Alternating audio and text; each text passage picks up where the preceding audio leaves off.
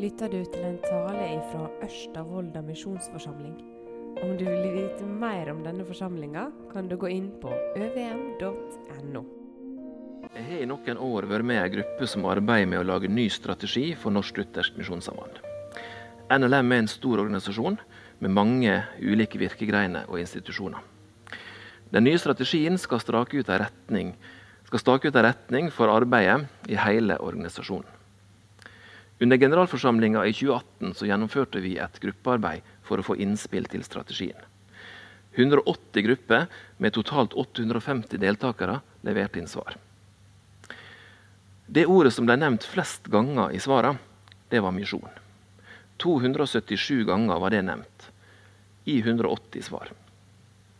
I tillegg var det mange som nevnte ordene 'unådde' eller 'minst nådde'. Det er altså et sterkt ønske i organisasjonen vår om å drive misjon. Og særlig å drive misjon blant de minst nådde. De som aldri har hatt mulighet til å høre om Jesus. Og Hvorfor har så mange et slikt ønske? Kan ikke det være vel så viktig å bruke tid og ressurser her i Norge, i vårt eget land? Er det riktig å bruke så mye ressurser på å sende ut misjonærer? Burde ikke vi heller prioritere å bygge sterke forsamlinger i Norge? Og Svaret på disse spørsmålene er at Jesus har gitt oss et kall, et oppdrag, om å drive misjon. Om å fortelle om Han i hele verden, slik at mennesker kan bli kjent med Han. Teksten for denne søndagen er en av tekstene som tydelig viser at det er det aller viktigste for alle kristne. Teksten er fra Matteus 28, vers 16-20. Men de elleve disiplene dro til Galilea, til fjellet der Jesus hadde sagt han ville møte dem. Og da de fikk se ham, falt de ned og tilba ham. Men noen tvilte. Da trådte Jesus fram og talte til dem. Jeg har fått all makt i himmelen og på jorden. Gå derfor og gjør alle folkeslag til disipler. Døp dem til Faderens og Sønnens og Den hellige ånds navn, og lær dem å holde alt det jeg har befalt dere.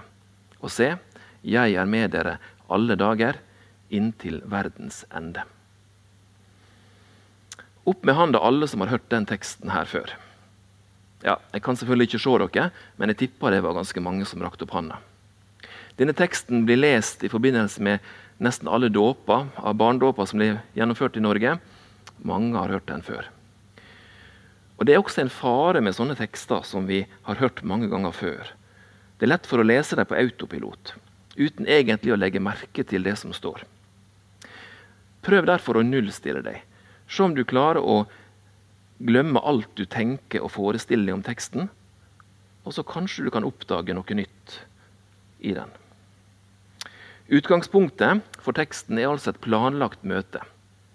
Når Jesus snakka til disiplene om at han skulle lide og dø, så sa han at han skulle gå i forveien for dem til Galilea og møte dem der. I fortvilelsen over at Jesus var død, hadde disiplene helt sikkert glemt det. Og Derfor så gir Jesus dem en påminnelse. Kvinnene som er først ved grava etter han har stått opp, de har også med sin hilsen til de elleve om at han vil møte dem i Galilea. Så Grunnen til at disse elleve disiplene er samla på et fjell, er at Jesus har invitert dem, for han ville møte dem. Og Så holder Jesus en liten tale for disiplene på dette fjellet. Vi kaller talen for misjonsbefalinga. Jesus gir disiplene en befaling, en ordre, om å gjøre alle folkeslag til disipler. Det fins noen som ikke liker denne teksten, fordi den handler om at de må gjøre noe. Det er et oppdrag som Jesus har gitt. Noe de skal gjøre for Jesus. Men da har de bare forstått en liten del av teksten. Jeg skal bruke tre stikkord for å prøve å si litt om innholdet i Jesus' sin tale. Stikkord nummer én er makt. Og så er det tvil, og så er det oppdraget. For det første om makt. Oppdraget eller befalinga til disiplene er ramma inn av noe viktig som Jesus sier om seg sjøl. Jeg har fått all makt i himmelen og på jorden, er det første han sier. Og etter selve befalinga så avslutter han med orda Og se, jeg er med dere alle dager inntil verdens ende. Dette er altså ikke et oppdrag som disiplene skal gjøre for Jesus. det er et oppdrag de skal gjøre sammen med Jesus. De skal være lærlinger som får hjelp av instruktøren underveis.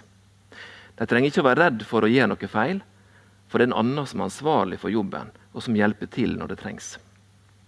Og Han som skal hjelpe til, han presenterer seg som en som har fått all makt i himmelen og på jorden. Stopp litt der. Hadde Jesus fått all makt? Var ikke Jesus Gud, da? Guds sønn, som hadde hatt denne makta alltid? Jo, men når Jesus kom til jorda, så ga han avkall på makta for å bli et menneske. For å dø for all verdens synd.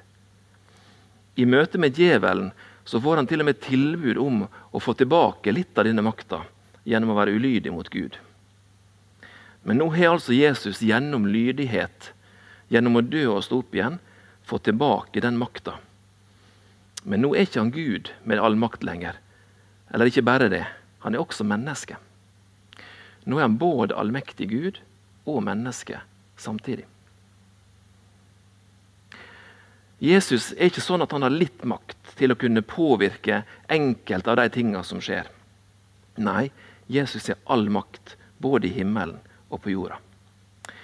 Det viktigste i denne teksten er ikke at disiplene får et oppdrag, men at han som gir oppdraget, skal gå sammen med dem, og at han som går sammen med dem, har all makt. Den allmektige er med. Stikkord nummer to tvil. Det står om disiplene at da de fikk se ham, falt de ned og tilba ham. Men noen tvilte. Dette var altså de elleve disiplene, den innerste kretsen. De som kjente Jesus aller best. De som hadde kjent Jesus lenge. De som hadde sett Jesus gjøre vann til vin og gjøre slik at blinde kunne se igjen. De som hadde opplevd at Jesus sto opp igjen fra det døde. Og så møter de han etter at han har stått opp igjen, og så står det at de tvilte. Høres ikke det litt rart ut? Bibelen inneholder troverdige personskildringer. Det blir ikke pynta på virkeligheten. Og Denne flokken med disipler de hadde ingen grunn til å være stolt av seg sjøl etter det de hadde gjort når Jesus ble arrestert, torturert og korsfesta. Peter sa f.eks.: om jeg så må dø med deg, vil jeg ikke fornekte deg. Og Kort tid etterpå så fornekta han Jesus. Det var altså en tafatt gjeng med disipler som gjemte seg og nekta for at de kjente Jesus, for å unngå problemer.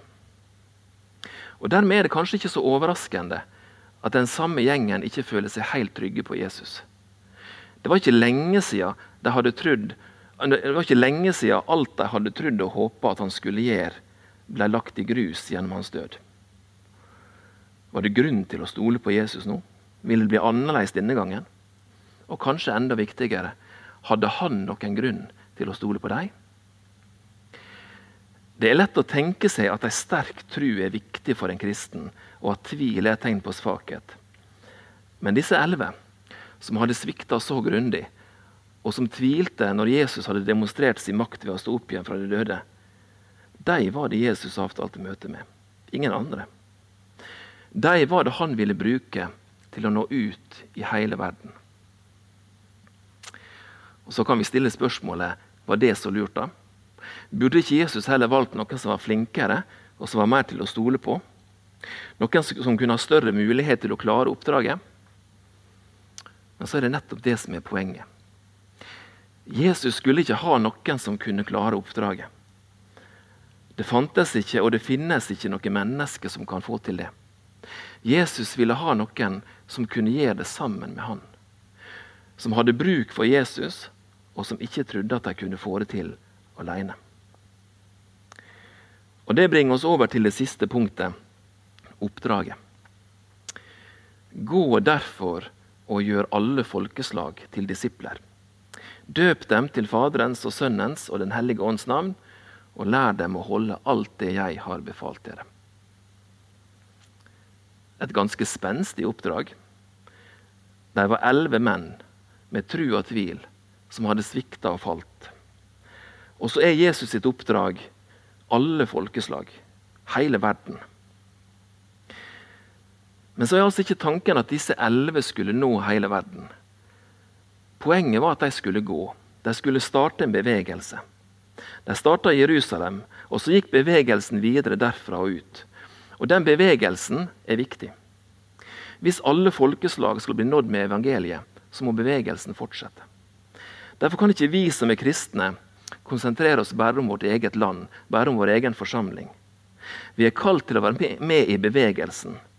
Fra egen forsamling, fra eget land og ut i hele verden. Til alle folkeslag. Poenget med bevegelsen er å gjøre alle folkeslag til disipler. Målet er altså ikke bare at de skal høre om Jesus og tro på han. Nei, de skal også gjøres til disipler. Og Her blir også du en del av dette oppdraget. Hvis du tror på Jesus, ja, så skal du også være en disippel. Og så skal du være med på å bringe budskapet om Jesus videre og gjøre enda flere til disipler. Å være en kristen er det samme som å være en disippel. Å være lærling hos Jesus. Det er ikke sikkert du syns du har så mye å bidra med i misjonsoppdraget. Men Jesus spør deg ikke om hva du kan bidra med, men om du vil gå sammen med han for å fullføre oppdraget.